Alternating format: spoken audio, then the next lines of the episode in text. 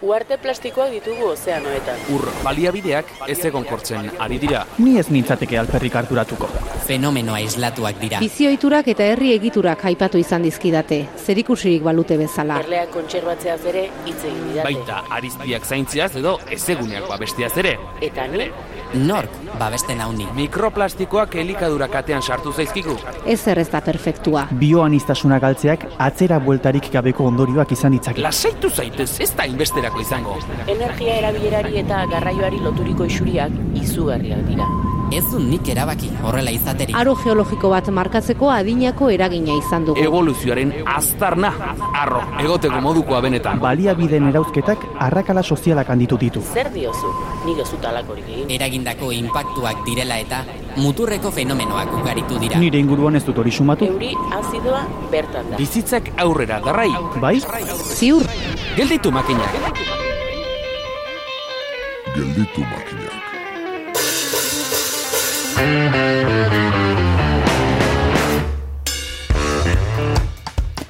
Susmoak zabalduta daude eguraldiaren gaineko esaera zaharrek gero eta lotura gutxiago dutela bertako errealitateekin. Behar bada Mediterraneoko atxotitzak biltzen hasi beharko genuke. Oraindik ordea badira baliagarri zaizkigunak, esaterako kandelario hotz, negua motz, edo kandelario bero, negua bero.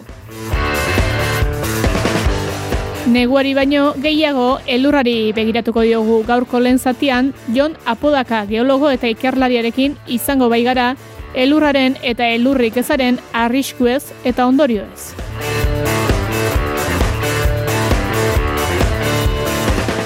Jarraian berriz, hotz uzten ezgaituen makinista, arantxa idi eder.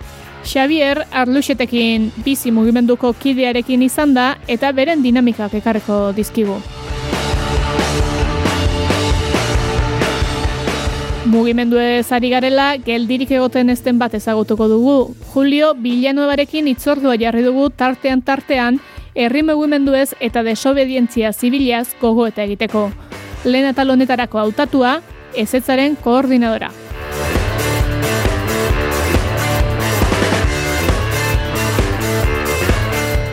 Karga-karga eginda gatoz, beraz, ea etzaigun geratzen ordu bete motz. Astera doak gelditu makinak saioaren hirugarren denboraldiko emeretzigarren atala.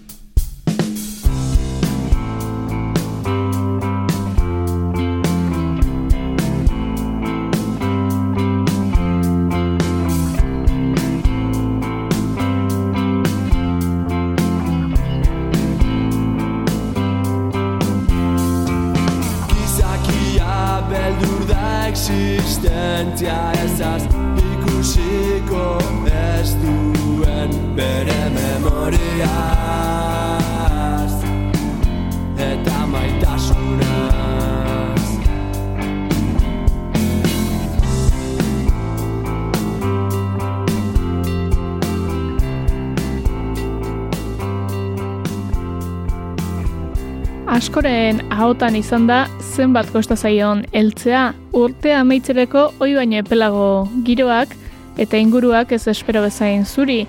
Dagoelako edo ez dagoelako elurra maizta albiste eta arrisku iturri. Hori dela eta Jon Apodaka Saratxo gonbidatu dugu gurera, arrisku naturaletan espezializatua izateaz gain, Andorrako elurraren eta mendiaren ikerketa zentroko ikertzaile elkartua baita. Ongi etorri Jon.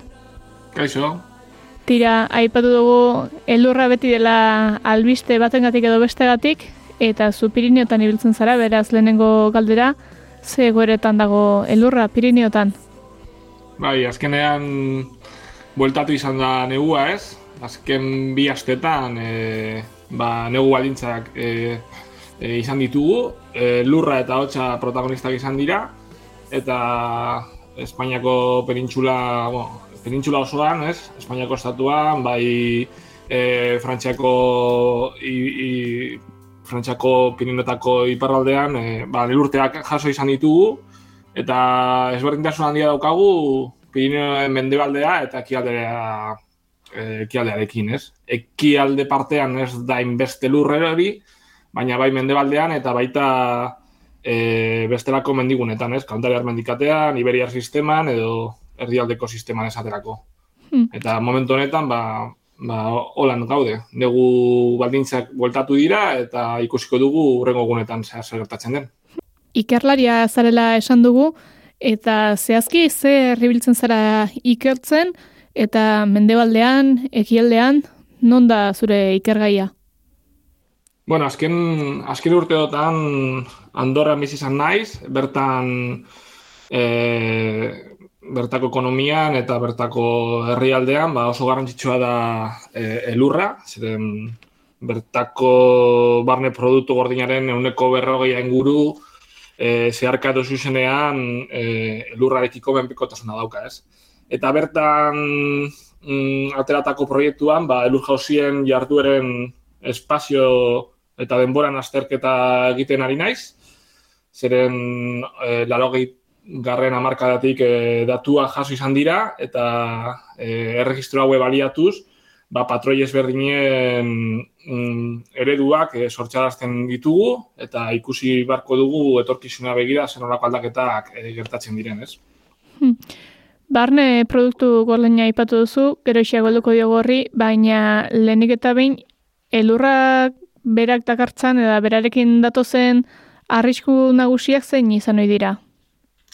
Bueno, normalean e, komunikabide ezberdinetan ikusten dugun bezala pertsonaekiko arrisku bereziak, ez? Nolatan ba, zauritu edo hildakoak egoten diren, baina e, zanbarko genuke lurralde antolamenduan bebai eraikuntzetan eta errepidetan e, ba, eragin handia dituztela, ez? Esaterako e, Nafarroan, Benagoa inguruan, ez? Erronkaleko baiaran, ba, ikusten dugu askotan e, bertako erripidearen itxiera elur jauzien gati, ba, zelako eraginak izaten dituen e, horrelako baiaretan, ez? Neguko turismoari begira. Izan daiteke horiek e, bereziki neguko turismorare begira daudelako eta horrekin lotuko zen duke Andorraren barne produktu gordinaren euneko berrogeia ere ba, eldurrari lotuta egotea.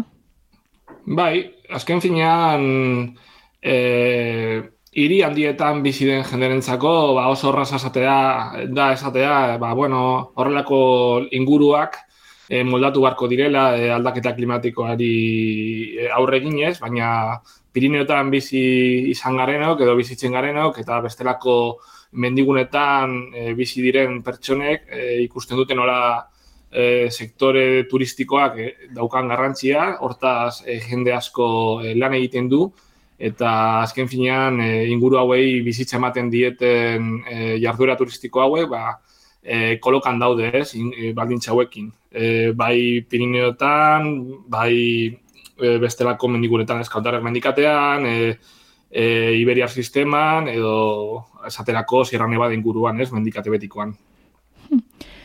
Horiek elurrari lotutakoak eta tira, elur falta kasu honetan ba, eragin sozioekonomikoak dituela argi geratzen da. Bestelako horik ere badakar, elur faltak badakar arriskurik e, ba, ez dakit, e, glaziarretan edo, edo ekosisteman? Bai, askotan ikusten dugu soilik e, e, neguko turismoari dagokionez, dagokionez e, arazo horiek, baina baita oso garrantzitsua da e, udara begira, bebai e, ur errekurtsoen erabileran, ez? Ur errekurtso moduan metaketa mendian, elur metaketak, e, eragin handia dauzka gero udaberrian eta baita e, e, udaran izango duen e, urtzearen prozesu horretan eta bai e, uraren erabilea den e, ziklosoan, ez? E, azken finean, alde batetik izango genuke turismoaren eragina ez, neguko turismo honek zeren ekonomikoki oso baliagarria den tresna da, edo izaten ari da, modelu eredu e, bat e, jorratu izan den azken amarkadetan, eta oso baliagarria dena, e, bestelako e, urtarotan e, jenderi gabe, edo turismoik gabe dauden baiaretan, baina baita ere e, mendigunetatik kanpo errekurtso hidriko hauei dagokionez e, lurraren jarraipena bereziki garrantzitsua da, ez? glasiarrei dagokionez, ikusi izan dugu nola azken urteotan, eta bereziki azken urtea, urte, urtean, ez, izandako galera izugarriak, e, azaterako aneto edo malaretako glasiarran, bai oso, oso kongo glasiarran, adibidez, e, lau koma bost e, metro baino e, lodiera galdu izan du glasiarronek, eta gauza bera gertatu izan da bestelako mendigunetan, ez alpetan esaterako, ekrinseko glasiar blanken, e, ia lau metrotako e, lodieraren galera izan du glasiarronek, eta suitzan e, eren bat baino gehiago galdu izan dabe bai. Eta, bueno, horiek denak indukuru giroan eta kliman ikusten diren aldaketekin lotuta egonda, sor laitezkeen arriskuak aurre ikus daitezke? Bai, e, aurre ikus daitezke eta e, aurre ikusten ari, ari gara, ez? Eta baita, e, azken urteotan askotan izpaitu zan da, ba, laketa klimatikoaren eraginak e, somatuko genu, genuela, baina ja, jadanik e, horrelak ondoria somatzen ari gara, ez?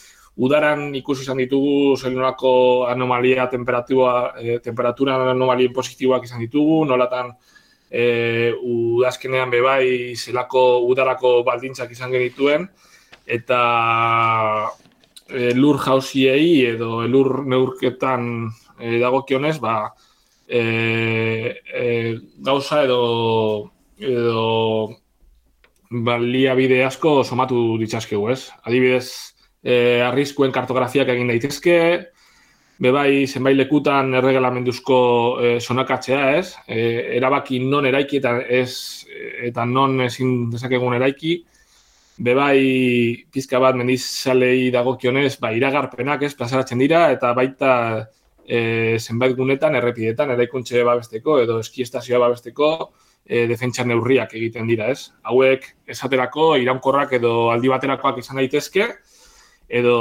eta bebai e, pasiboak edo aktiboak, ez? E, zenbaitetan adibidez, e, elur jauziak e, artifizialki e, e, dira, eta beste batxutan e, e, muro ezberdinak edo esi ezberdinak jartzen dira hauek e, ez eragiteko. E, eta pizka bat aurreik usteko moduan, ba, teknologia berria bebai e, e, laguntza handia ematen ari digute ez. Aipatu duzu, eluart jauziak, e, batetik, e, eluart jauziak ez gerta, e, gertatzeko horrelako eraikuntza batzuk jartzen dituzuela, geraratzeko metodak izango liratekenak, eta bestetik baita eragin ere egite, eragiten dituzuela elur jauziak. Zertarako eragiten dira demagun, elur jauziak egiteak zer lakar berarekin, e, zote diren kontrajarriak edo hori nola azaldu dezakezu? Bai, adibidez, eh, erripi, erripide bati eh, segurtasuna eh, eh, esartzeko momentuan, ba, erabakiak hartzen dira, ez?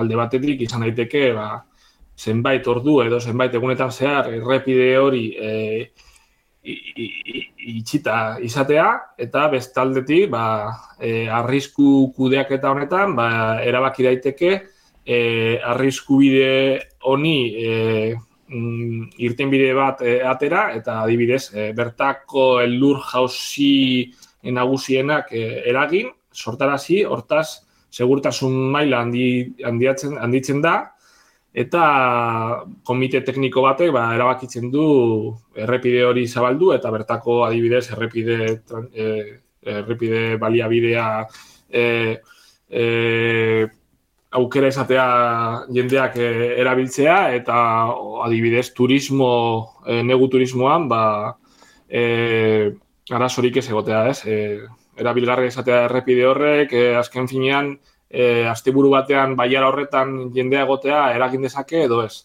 Eta horrek e, urteari begira ba, e, ondorioak izan ditzake ez. Bestalde kontuan izaten dugu ba, mm, teknikoki egiten diren iragarpenekin ba, mendizalei informazioa ematen ez. Mendizalei e, eskala neurtu batean, ez, Europa mailan erabiltzen den arriskubide eskalan, ba, e, maila bat e, e, egotzi egiten zaio e, egun bakoitzari eta maila horri dagokionez, ba, jendeak erabakiko du nondik mugitu eta zer nolako jardurak egin. Eskia eta mendizaletasuna eta aipatu dituzunez gero, aipatu lehen ere, e, kosta zaiola elurrari iristen, eta azken bi astetako kontua izango da, ba, gainak zuri daudela eta jendea mendian dabilela, hala ere, alako egoerek eta alako elur faltak ze eragin izaten du eski estazioetan? Bueno, alde batetik, eski estazioen eredua e, elurrarekiko menpekotasun handia dauka, eta e, azken urteotan izaten ari garen e, temperaturen gorakada dela eta e, laro garren amarkadan esarritako ba, e, elur artifizialaren e, e, sorreran edo e, planteamenduan ba, ezin dezakete erabili hortaz e, elurri gabe e, beraien aktivitate ekonomikoa ezin dezakete e, zabaldu eta horrek eragin handia dauka. E, azken bi astetan lurra bueltatu da gogoz, e, nahiko orekatu izan, izan dira e, azken urtotako e, lur e, lodierak edo lur erregistroak, eta momentu honetan e, elurrarekiko menpekotasuna daukaten baiara ezberdinek e, nahiko baldintza nahi dituzte eta ikusi barko da urrengo e, egun eta astetan zehar nolako evoluzioa daukan. Baina argi dago gaur egun planteatzen ari den e, eredu eredu ekonomiko hau non elurraren menpekotasun e, guzti guztiz eh, handia daukan, ba, eh, bir planteatu egin behar dela, ez? Zer, eh, zergatik esango zenuke, bir planteatu behar dela? Zeren eta temperaturerekiko dauzkagun eh, ikerketak eta tendentziak ikusita, eh, badirudi eh, arduratxoagoa izango litzatekela aldaketa aldaketa hau egitea poliki-poliki trantzizio bat, non menpekotasuna hau galdu beharko luketen eh, horrelako baiarak, horrelako eredu ekonomikoan, zeren eta ez, ez ezin da itxoin e, bidegarritasun ez izatea, ez? E, azken finean ikusi izan dugu, nola azken, azken asteotan, ez? Plazaratu izan da ere, e, adibidez nolatan... E, menpekotasun handi honi dagokionez eta aldaketa berriei e, ekiten dieten enpresa eta eskualde ezberdinek eta esaterako ba, Europako berroskuratze funtsak, ez? Europako nes generatio neu e, diru laguntza haue, ba, bideratzen ari dira e, estazio, eski estazio ezberdinen handitzean eta ez e, moldatzean edo bir planteantzean e, modelu edo, edo eredu hau, ez? Hmm. Bestalde, e, orain arte elur gutxi egin izanak eta orain gehiago izateak badu badakar berekin arriskurik, ez du alako eragin nabarmenik, hobe da ba, gutxinaka gutxinaka elurkapa handitzen joatea, Bueno, eh, azken finean, elur asko izateak ez du askotan erlaziorik eh, elur arriskoarekin, ez? Eh, zenbat eta elur mantuaren lodiera gutxiago izan, eh, horrek askotan eh, sortarazten diztu eh, elur mantuan eh, aldaketa ezberdinean, zeren diferentzia handia aurkitzen da, eh, eh, aidea eta elur e, geruza ezberdinen arteko e, temperaturan. Hortaz, momentu honetan baldintza nahiko gonkorrat dira, baina egia da e, jarduerak e, baiar askotan egiten ari dela eta jendea oso gotxu dagoela. Hortaz, e, e, temperaturak hotxak izanik eta aizeak mugiarazitako e, ba, elur kantitate handiei dagokionez, ba, zenbait elur e, plaka eta elur kornisen arazoak aurkitzen dira eta hoiei ba, e, kontu, hauek kontuan izan behar ditugu, ez? Hmm. Zertarako eskatuko zenuke harta izan behar dela elurretan dabilen arentzat? Bueno, azken finean, e, elurran, igual adibidez, e, itxasoan gertatzen ez den bezala, e, arriskuak ez dira hain ongi somatzen, ez?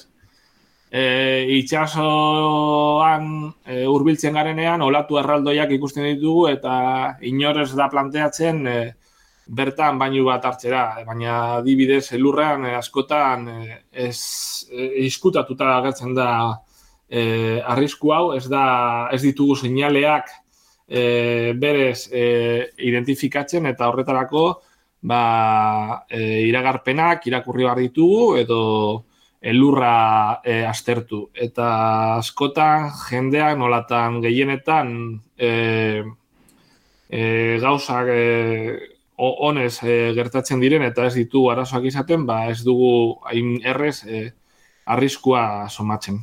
Mm. Ikerketara itzuliko gara, izan ere baldintza klimatikoa kaldatzen ari dira eta elurreta glaziarren egoera ondorio ere bai. Beraz, hau ikertzeko eta lanean aritzeko teknikak ere aldatu behar direla uste duzu, aldatuko direlakoan zaude? Bai, eta aldatzen ari dira eta e, benetan azken urteotan e, aldaketa oso oso adirazgarriak gertatu izan dira, ez? Adibidez, teledetekzioan, ez? Bai, e, satelitezko irudiak e, oso erabilgarriak e, izaten ari dira. E, ere bai, e, estazio meteorologiko berrien, ez? E, esarpenak eta baita erregistro sarren e, berreral, berreral bil, denean, ez, e, reanaliziak egiteko orduan, ere bai, e, ipatzekoa da, azken egunotan eta azken, azken urteotan oso erabilgarriak izaten ari diren dronen erabilea nitzak, ez? Bai, adibidez, modelu topografikoak eraikitzen, e, bai, zuzeneko behaketetan, bai, errezkete e, operazio ezberdinetan, edo elur jauzi leherketen e, operazioetan, ez? E, ere bai, e, oso baliagarriak izaten ari dira adibidez e, istripuen analizian e, kameren e, sozializazioa, ez? E, askotan mendizaleek e, subjetiboak diren e, mendikamerak eramaten dituzte eta horretan e, e, kaxa beltsoiek ez eramaten dituzte eramaten dituzte esaten dugu, ez? Adi, e, e, moduan, ez? Zeren grabatzen izate, grabatuak izate dituzte e, erabaki guztiak eta bai momentua non istripo esan duten eta baita e, telefono mugikorren e, iruriak, ez? Askotan horrelakoak e, grabatu izaten dira eta horrek e, informazio asko ematen digu. Eta azken egunotan asko hitz egiten den bebai adimen artifizialen kontuekin, ere bai, e, gauza edo ikerketa berriak egiten ari dira, bai elur jauzien detekzioan, ez? Zeren eta gaur egun, ba, e, webcam bati e, adimen artifizialeko kodea sartuz, ba, e, elur jauzien detekzio automatikoa egin daiteke, eta baita frogatu izan dira iragarpen automatiko egitea, ez? Zeren kodeak e, e, registro xarrak e, jastarazten ditu, eta horrela moldatzen ditu. Eta ikerketa arloan esango genuke ba, ikerkete ezberdinek erabiltzen dituzten kodeak bebai e, asko partekatzen ari dira, ez? Adibidez, Python edo R bezalako datu zintzetako programazioan, ba, kode ezberdinak erabiltzen dituzte ikerketa ezberdinek, eta hoi kure artean e, e, zabaltzen ditugu, eta horrek e, onura handiak ekartzen ari ditu, ez? Ikerketetan eta baliagarri moduen. Hmm. Ba, Jon Apodaka Saratxo, arrisku naturaletan espezializatua eta Andorrako elurraren eta mendiaren ikerketa zentroko ikertzaile elkartua, eskerrik asko gurean izateagatik eta eta saltoka ibiltzeagatik, bai eragin ekologiko, sozial eta ikerketa esparruaren artean. Eskerrik asko zuei. Gertutik, jarrituko ditugu zure gomendiak, eskerrik asko. Ni esker, agur, agur. Gelditu makinak.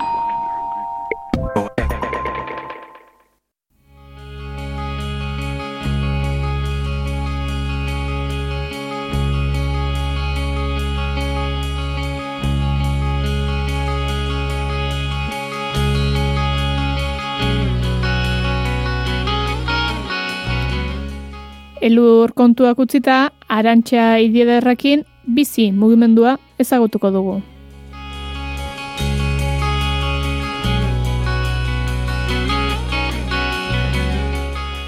Xabier Arnuset, irisarriko uh, biztanlea, eta uh, bizi mugimenduko kidea eta ikastolako bi aurren buraso izana.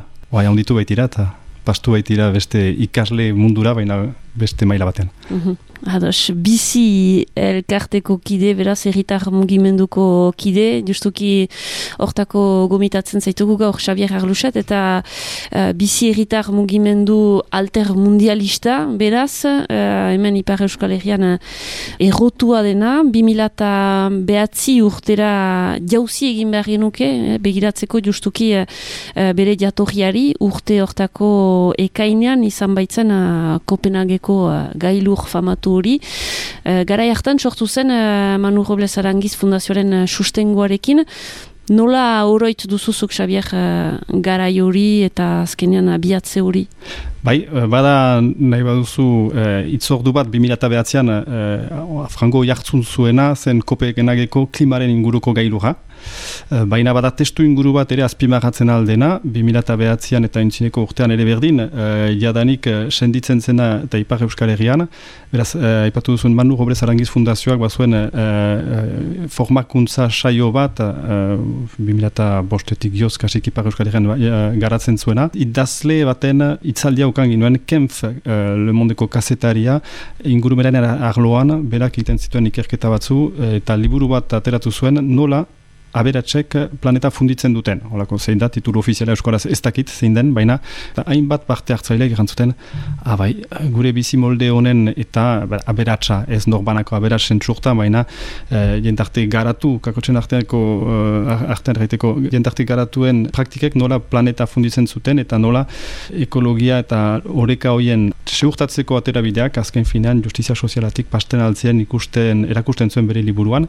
Hainbat militanteek erantzuten, wow, diagnostiko hori biziki argia da, interesantea da, zerbait behar dugu egin. Beste batzu bat ziren, uh, egonak zirena desobedientzia zibilaren uh, arloan, uh, demoetan eta aktibatu zirenak haindat aldarrikapenetan, Euskararen inguruan, presoen aldeko eskubiden inguruan, desobedientzia zibila eta bortizkeriari gabeko ekin zen arloan, eta uh, militante haietariko batzuk ere, sekatzen zuten beste molde bat ekiteko, beste gai batzutan ere, beren ekin ekintza moldeak ere jogatzeko, eta horren inguruan ere sortzen zen klimaren inguruko kezka hori nazioarte mailako uh, gailur horren presidentziarekin eta hala uh, pixkat zekaldo edo ze uh, testu ingurutan sortu zen bizi uh, 2000 ekainean ustot dotzena bat kideren biltzaharekin uh, estatu guziakan bilduko ziren erabaki batzu hartzeko estatu mailan baina bizik egin duena da ekainetik uh, abendu arte tokiko mailan, arlo ezberdinetan, ekintza mota ezberdinak egin, espikatzeko zeintzen erronka, klimaren inguruan, eta lugaldean zer gintuen ere,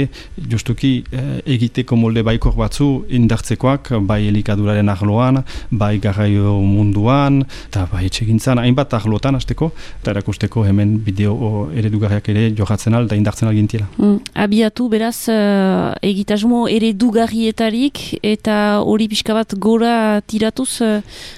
hori da bizik nahi zuena bereziki baloratu edo? Izan da, uh, lehen, uh, kasik lehen uh, udan berian mobilizazio bat lehen garraio bide alternatiboak uh, presentatu ziren baionan adibidez eta nola egin txirindilautza bat, erraiteko urgunago berda busatu, berda uh, lortu uh, gure lurraldean uh, azken finean uh, gehiago alternatiba eskaintzea autoari eta hor uh, zirkulazioan arazoak sortuz, baina erakusteko ze posibilitate bat ziren uh, hobetzeko, garraio moldeak e, egezko politika bat balin bazen uh, garraio be alternatiboen garatzeko, eta berden boran ere egin da hori zen lehen urteko irailean, berreundamar kilometroko, uh, iru egunez, berreundamar kilometro, mauletik joanez eta baiunara arribatuz, eta egun erdika gune ezberdinetan geldituz, eta era, hor ere erakutsiz, uh, nun ze bazen arlo ezberdinetan gure lurraldean jadanik,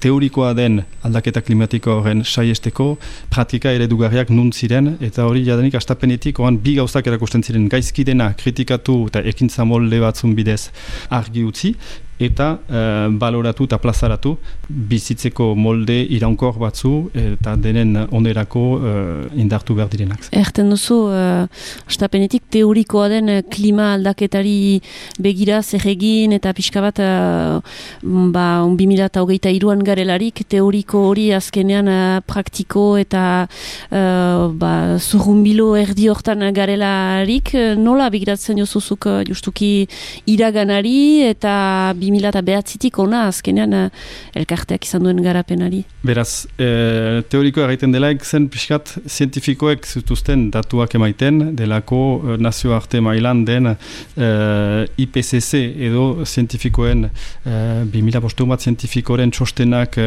ikertzen dituen eta lantzen dituen eta horren ondorioz e, loturak iten dituen batzorde horrek e, jendarte eredua eta klima aldaketaren edo klima berotze horren edo temperatura bataz bestekoaren berotzearen lotura egiten duen batzorde horren aritik uh, senditzen eta ikusten zuen, analizatzen zuen bizik eta du, beti, gauza da gure lujaldean deklinazioa etzela hain urbilat. Beste uh, eren munduko erriek zutela gehiago pairatzen garaian, salbu, amairu urtez, diferentzia orai ez da teorikoa bilakatzen, da praktikoki ikusi dira uholdeak, sekuran ikusi ez zirenak eta errepikatuak baiuna bezalako erri batean, eta galtzen delarik zubi baten zangoa sekuran zutena galdu eta ber agintaldian bi gutxienez uh, uholde bizitzentien uh, batzek, ez du interes horoko garen defensa bermaneran ikusteko parada uh, aintzindeko belaunaldiek zautu zuten egonkortasunari konparatuz. Eta hor, uh, gauzak bilakatu dira,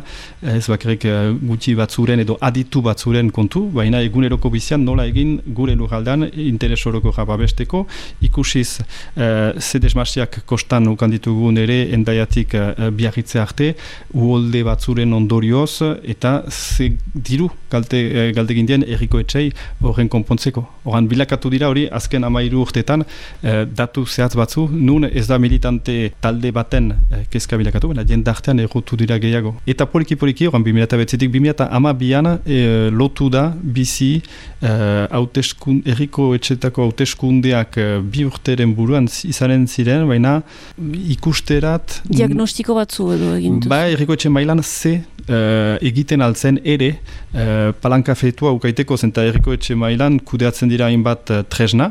Tresna horiek dute, be, intereso horoko jaba besteko ina dira, baina tresna horiek dute eragina eta eragina, tonkitzen duzte erritar guziak, eta nola egin, ungi baletok izan ditezen, uh, aldaketa klimatikoa saiesteko gixan, bai, bai, beretak izan ditezen. Eta bizik landu zuen amabian urte batez, uh, tresnakutsa bat, berroita mar neurirekin, uraren kudeaketatik uh, ondarkinetarat, pasatuz energiaren gaietarat, eta ama, 2008an proposatu du, 2008ko hauteskundetarat aurkeztuko ziren zerrenda guzier, uh, ikustezaten tresnakutsa hori, beren ganaz ezaten, eta engaiatzea proposatu zien kutsa horietako hainbat neurritan berek ere kudea zezaten. Eta hor, eh, molde batzen hor ere, aldaketa klimatikoaren erronka, interes horoko garen e, be, ez momentu apropos hortan, erriko etxetako hauteskundeen kampainan, e, be, beren gara zezaten erritarek, zenta erritarek dira presentatzen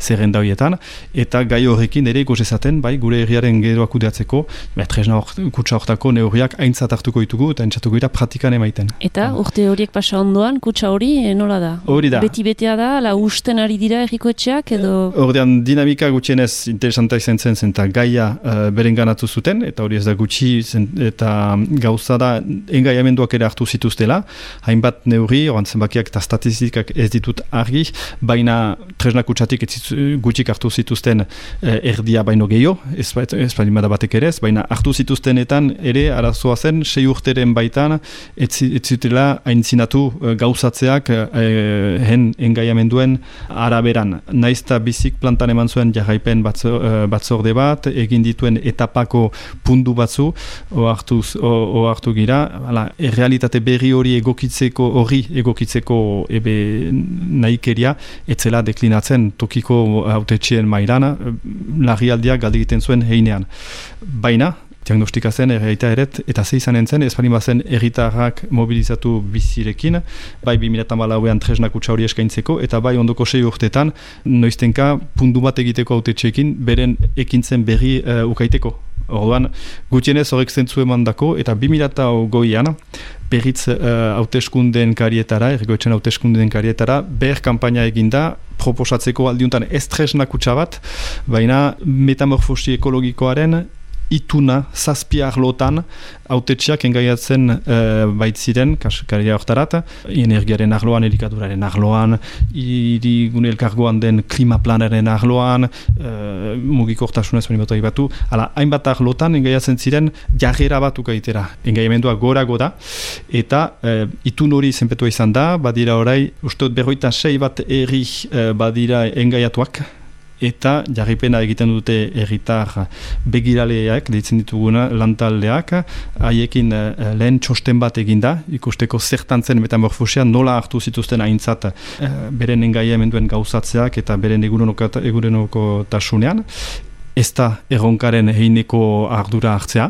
hartzen gira praktiketan eta ez direla neurriak aurrera pausoak edo uh, jarreren aldatzeak ez direla oino erronkaren heinekoak, baina jarraipenak segitzen du eta horre ari gira bigarren uh, pundu baten egiteko agintaldiaren erdian izanen girelarik orai eta ikusteko autetxoiek eguneroko tasunan hartzen duzten erabakiak. Uh, justuki uh, gaurko egunean denak uh, ekologistak baikira, uh, biskat provokatuz, baina erriko etxeak ere ala direla diote eta jendeak ere ala dela dio uh, egunerokoan azkenean uh, nola ezan uh, oiturak aldatzea eta um, ekintzatipiak egitetik uh, beste etapa bat bada. Uh, lehen aipatu duzu elikaduraren, elikaduraren gaia. Hor adibidez uh, zein da bizik duen uh, jola olakotan eta zer uh, egin nahi duen alde hortaik edo? Eriko etxetako hauteskundetarik landa lehen bilanan oartu giren elikaduraren arloan adibidez hainbat erriko etxek, ez zutela erez legeak uh, manatzen ziena, pratikan emaiten beren ardurapean ziren jantegietan. Egan nahi baita, lehen mailako uh, jantegien ardura duten erriko etxek. Ikastetxeenak, bai. Ikastetxe horietan, ala, eh, behar dela, e, hastean behin, vegetariano den autu bat. aztarna ekologikoa, edo aztarna karbono aztarna, txipitzen duelako horrek, eta horrekatzen duelako ere, proteinen jatorria uh, aurren ba, jan moldean, legeak galiten du, ba, hori ere, etzen errespetatua errikotxe batzuk ondotik zuzendu dute, eta ideia zer zen hor ikusterat, hala, e, itunan, metamorfosi ekologikoan, elikadura eta laborantzari lotua zen atalean zen, jagerari ukaiterat. Hori da frantziak legediak eskatzen duena? Bai, oartu gira itun hortan, hala, maila batzutan, minimo legeak galditen minimo hori ere, etzela, berez errespetatua, eta hori guzia zer da, erakusten du, badela hor, maila bat, ekiteko maila bat, ekintzan txartzeko maila bat, nun publiko zabalago bat unkitzen den, ez militante edo erritar uh, norbanakoa, baina hor da jantegietan diren, eta ikastetxe guzioiek unkitzen dituzten jantegietan, diren gazteen edo aurren, uh, intarra dela hor, bide ere pusatzen. Nola egin erakusteko bat direla, gure lurraldean janteki batzu ikastetzi lotua direna eta egiten dutena legea baino askoz gehiago eta nola hori biderkatu. Eta olako ekitaldiak ere antolatzen hasi da bizi mugimendua pixkat erakusteko ala badela gure lujaldean elikaduraren gaia hartuz, baina beste arloetan eratxe maiten alda. Bai, gero usaien bezala, e, jantegi, adiez biologiko bat nahi bada, ikastetxe bat entzat, e, lekuan bertan ere behar da, e, furnitzeko gaitasun hori, eta hori no beste etapa bat da, azkenean, e, gaitasun hori behar dela sortu nun bait, hemen, bertan, eta hori ez da ino, ino heldua. E, ordean, gure e, ekiteko maila zen justuki galde horren identifikatzea eta eta premia horren plazan emaiterat gero ondoko aterabideak poliki-poliki ere indartzeko beharra ez da dudarik badela. Mm. Baina gutxienez, zeurtatzeat galde hori eta arreta puntu hori ez dela bazte gutzia.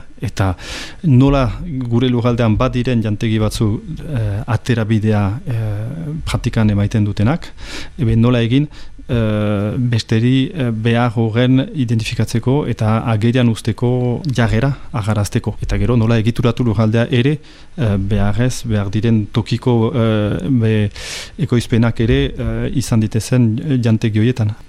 Xabier Agruset, demora fite intzinadoa eta berdin bukatzeko uh, aipatuko dugu uh, 2008 irurtea, egia da biziren ibilbidean uh, elikadura aipatu duzu, gajaioa, uh, energia berriztagarriak eraipatzen algenuke, baina uh, azpimarratzekoa da, hor, uh, aurten urte betetze bat ere markatu nahi duzuela, uh, udazken uh, untan, urrian, eta um, ba, azkenean horren ondotik ere ba, geroari begira jarriz, nola ikusten duzu azkenean aurtengo urte hori, 2008 urte hori, eta Ordan eskalaz pasatzeko edo eskalaz eh, aldatzeko uh, parada bat nahi dugu eskaini baliatu.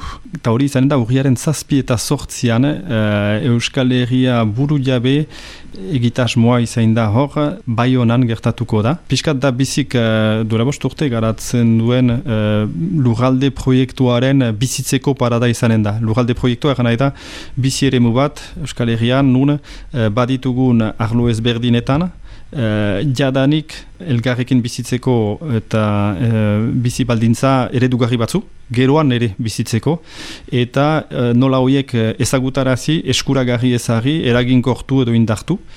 2008an egin zen alternatiben erriska baionan ere, hor zen erakusteko aldaketa klimatikoa borrokatzeko bagintiela norbanakoen mailan sustut hainbat aterabide eta hainbat uh, parada, ez zela hori goi gailurretako erabakia hundien zain egon behar bortxaz. Karia dortara 2008an alternatiben erriskaren uh, okasionean izan, uh, baliatu zen tokiko alternatiba intartxu bat geroztik bizidena Euskal moneta ezagutarazteko eskala handiago batean eta hortik landa be, bere ibilbidea egin du, hamar urte aidela beraz Euskal moneta bost urte berantago egin zen energia, tokiko kooperatiba, e, energia elektrikoaren e, berriztagarriaren e, ornitzaile gisa, ere, e, aterabide bezala presentatu eta indartu zen kari hortara, geroztik ere biziki ederki bere ibilbidea segitzen du, eta amar urte eta gero, haigira, 2008ko urriaren zazpita sortzian, e, formato bat lan zen, baionari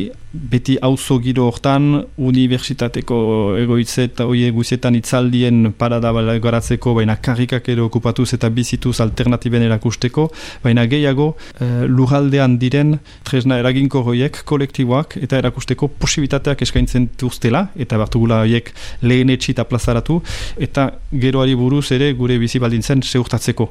Adibidea mandau hastean delako elikaduraren ahloan, baina izaiten alda ere, etxeen eraikuntza edo agabritze politiketan falta diren tresna batzu ere, jendarteak ez dezan xautu bere etxeetan iragarki formatoa duten gaizki isolatuak izan diren etxeetan, ze atera bide izaiten aldiren teknikoki, ze lehentasun emanez eta ze tokiko aktore aktibatuz, hori guziak arraberritzeko eta gastu gutxiago gaiteko energiaren arloan, eta ideia da zazpi itzordua intzinetik finkatzerat, zazpi provinzietan, zazpi gaietan, piskat ikusteko justuki tokiko bitartekari edo bizidekin elkarlana egin duten hainbat kontaktuekin, eh, nola deklinatzen alditugun gai horiek, haintzin jasta bezala, eta osatzerat diteko gero eh, jendeak bai honarat, urriaren zazpi eta sortzian, ikus ezagun, ala posible dugula, gure lugalde buru jabe irankor eta jasangarri eta solidario batean, aldaketa klimatikoak galdegiten dioen desafioa altsatzeat?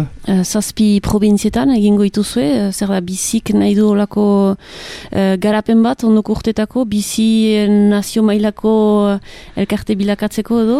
Eran, ideia ginda gehiago, kide batzuk errandute kulturak badu zeit berezia, dantzaren bidez eta zientifikoek pasatzen ez dituzten mezu batzu, ez dira berdin kulturaren bidez pasatzen aldira beste molde batean eta molde indartsuago batean, eta bat batean jinda metafora zazpi jauziak.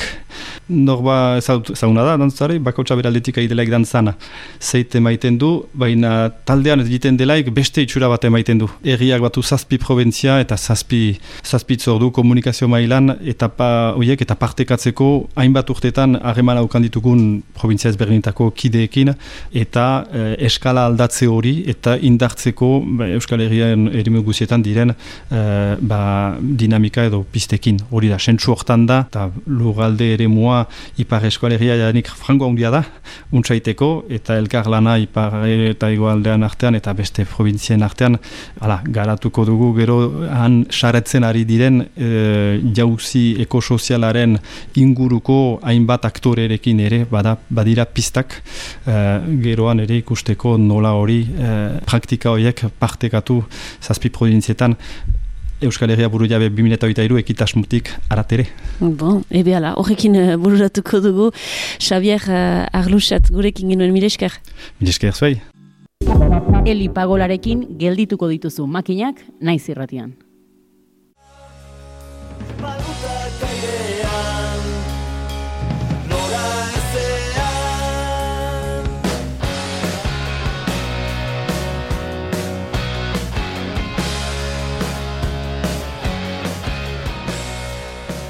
Oso zabaldua dago eta txileren egoeraz gain bestelako askotarako ere balio duen esaldi bat ekarreko dizut gogora eta da, memoriari gabeko herria, etorkizunik gabeko herria da, hala dio esairak.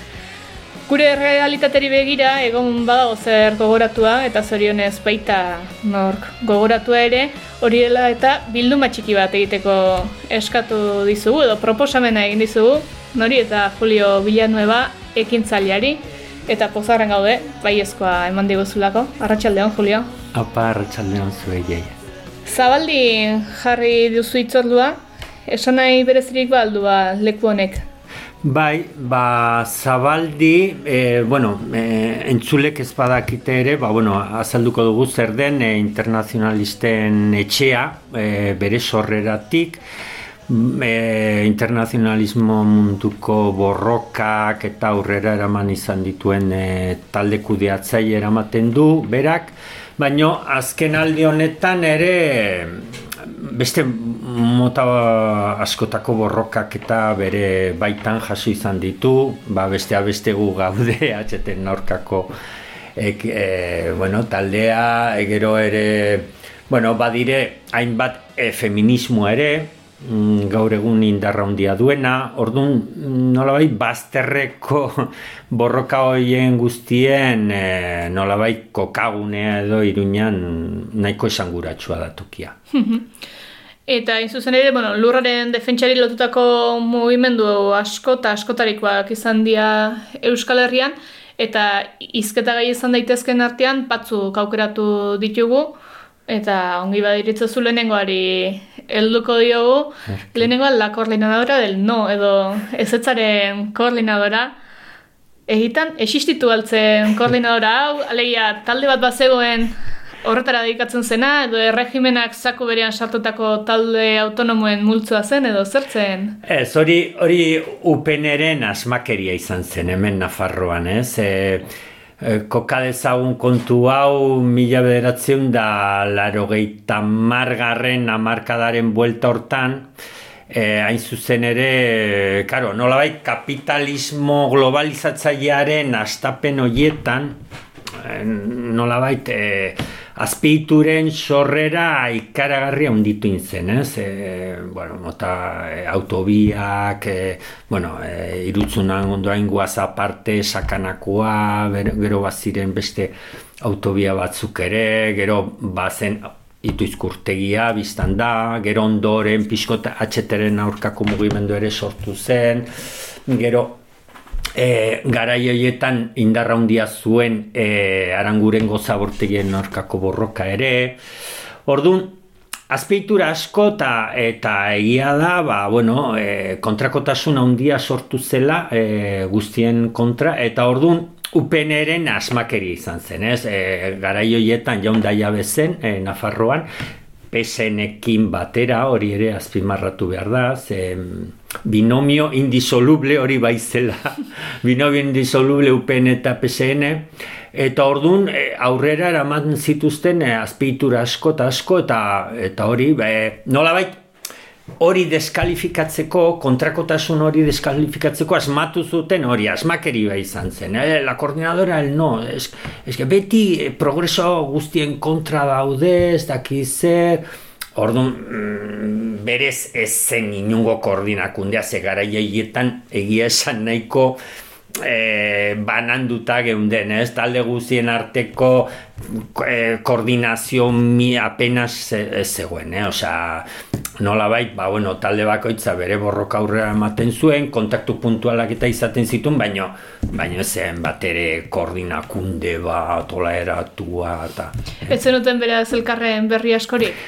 Bai, Elkarren berri, bai, baino ez pentsa olako koordinazio tinkorik eta zegoenik, eh? ba, bueno, e, bai, informazioa, ba, dibidez gu gara jeietan, e, ituizko, e, bueno, bai, ni nengoen, ba, pixkote ituizko kontuarekin, baino baita ere autobiarekin, orduan, ba, baino ez zegoen koordinazio horikola, Aipatu zu, e, proiektu faraonikoen aurkakotasuna zela, mm. elkar biltzen zituena, zein ziren proiektu nagusiak? Proiektu nagusik hemen Nafarroan, e, Nafarroan gehien bat hori ez, Aristina aipatu ditu danak ez, e, alde batetikan e, irutzun handoain autobia, e, gero itoizkurtegia, gero garrantzia handia hartu zuen e, e, aranguren gozabortigien aurkako borrokak ere. Gero bazen, e, gero hiri barneko borroka txikiagok ere baziren ze garai horietan e, lurpeko aparkaleku asko e,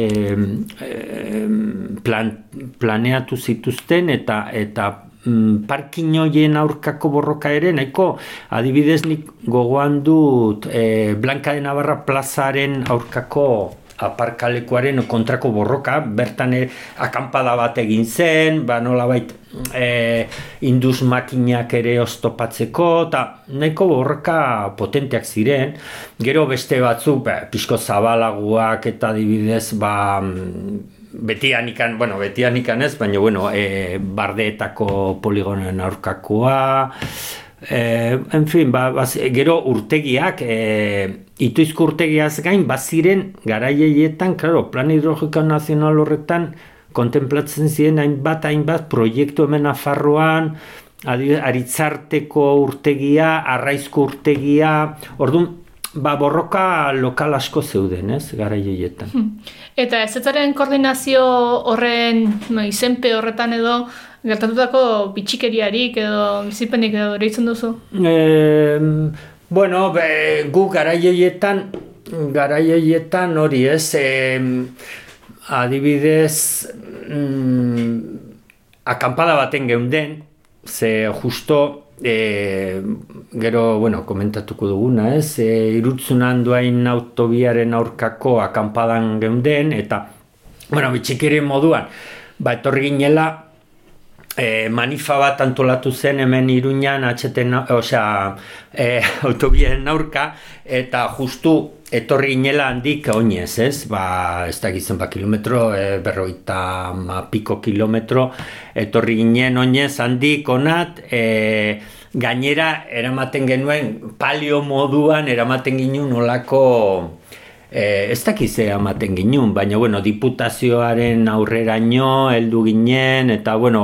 gauza bitxia izan zen, ez? Horren beste kilometro olako e, zea, e, palio moduko horrekin eramaten ginen, ez dakit maketa bat, ez dakize eramaten ginen, baina bueno, gauza bitxia izan zen.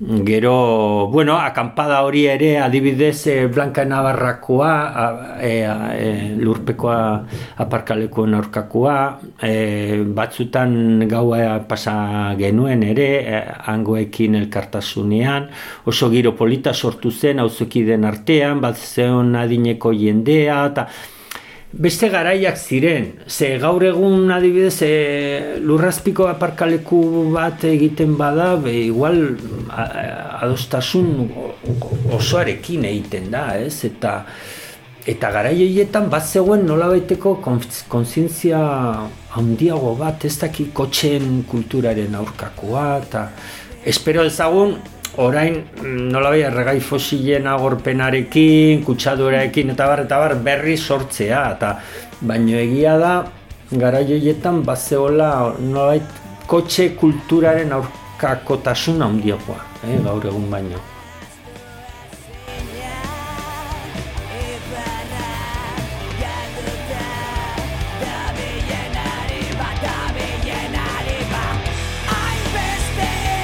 Irratia batez ere kotxez goazela entzuten dugunoi, eman digu zer pentsatua Julio Bilanuak izan kotxeaz, edo baita izan irratiaz ere.